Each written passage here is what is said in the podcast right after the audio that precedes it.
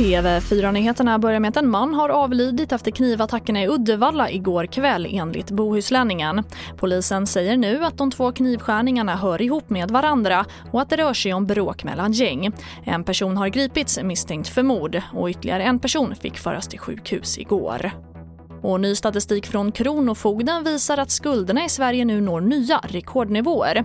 Värst är situationen för unga vuxna och då har coronaeffekterna ännu inte slagit igenom i statistiken.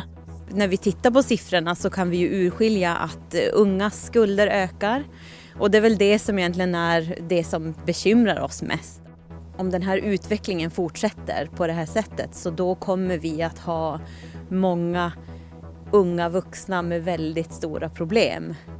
Rebecka Öhman, enhetschef på Kronofogden.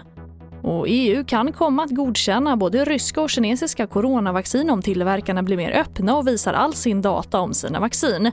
Det säger EU-kommissionens ordförande Ursula von der Leyen enligt AFP.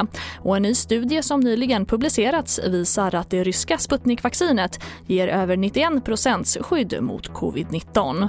TV4-nyheterna, jag heter Charlotte Hemgren.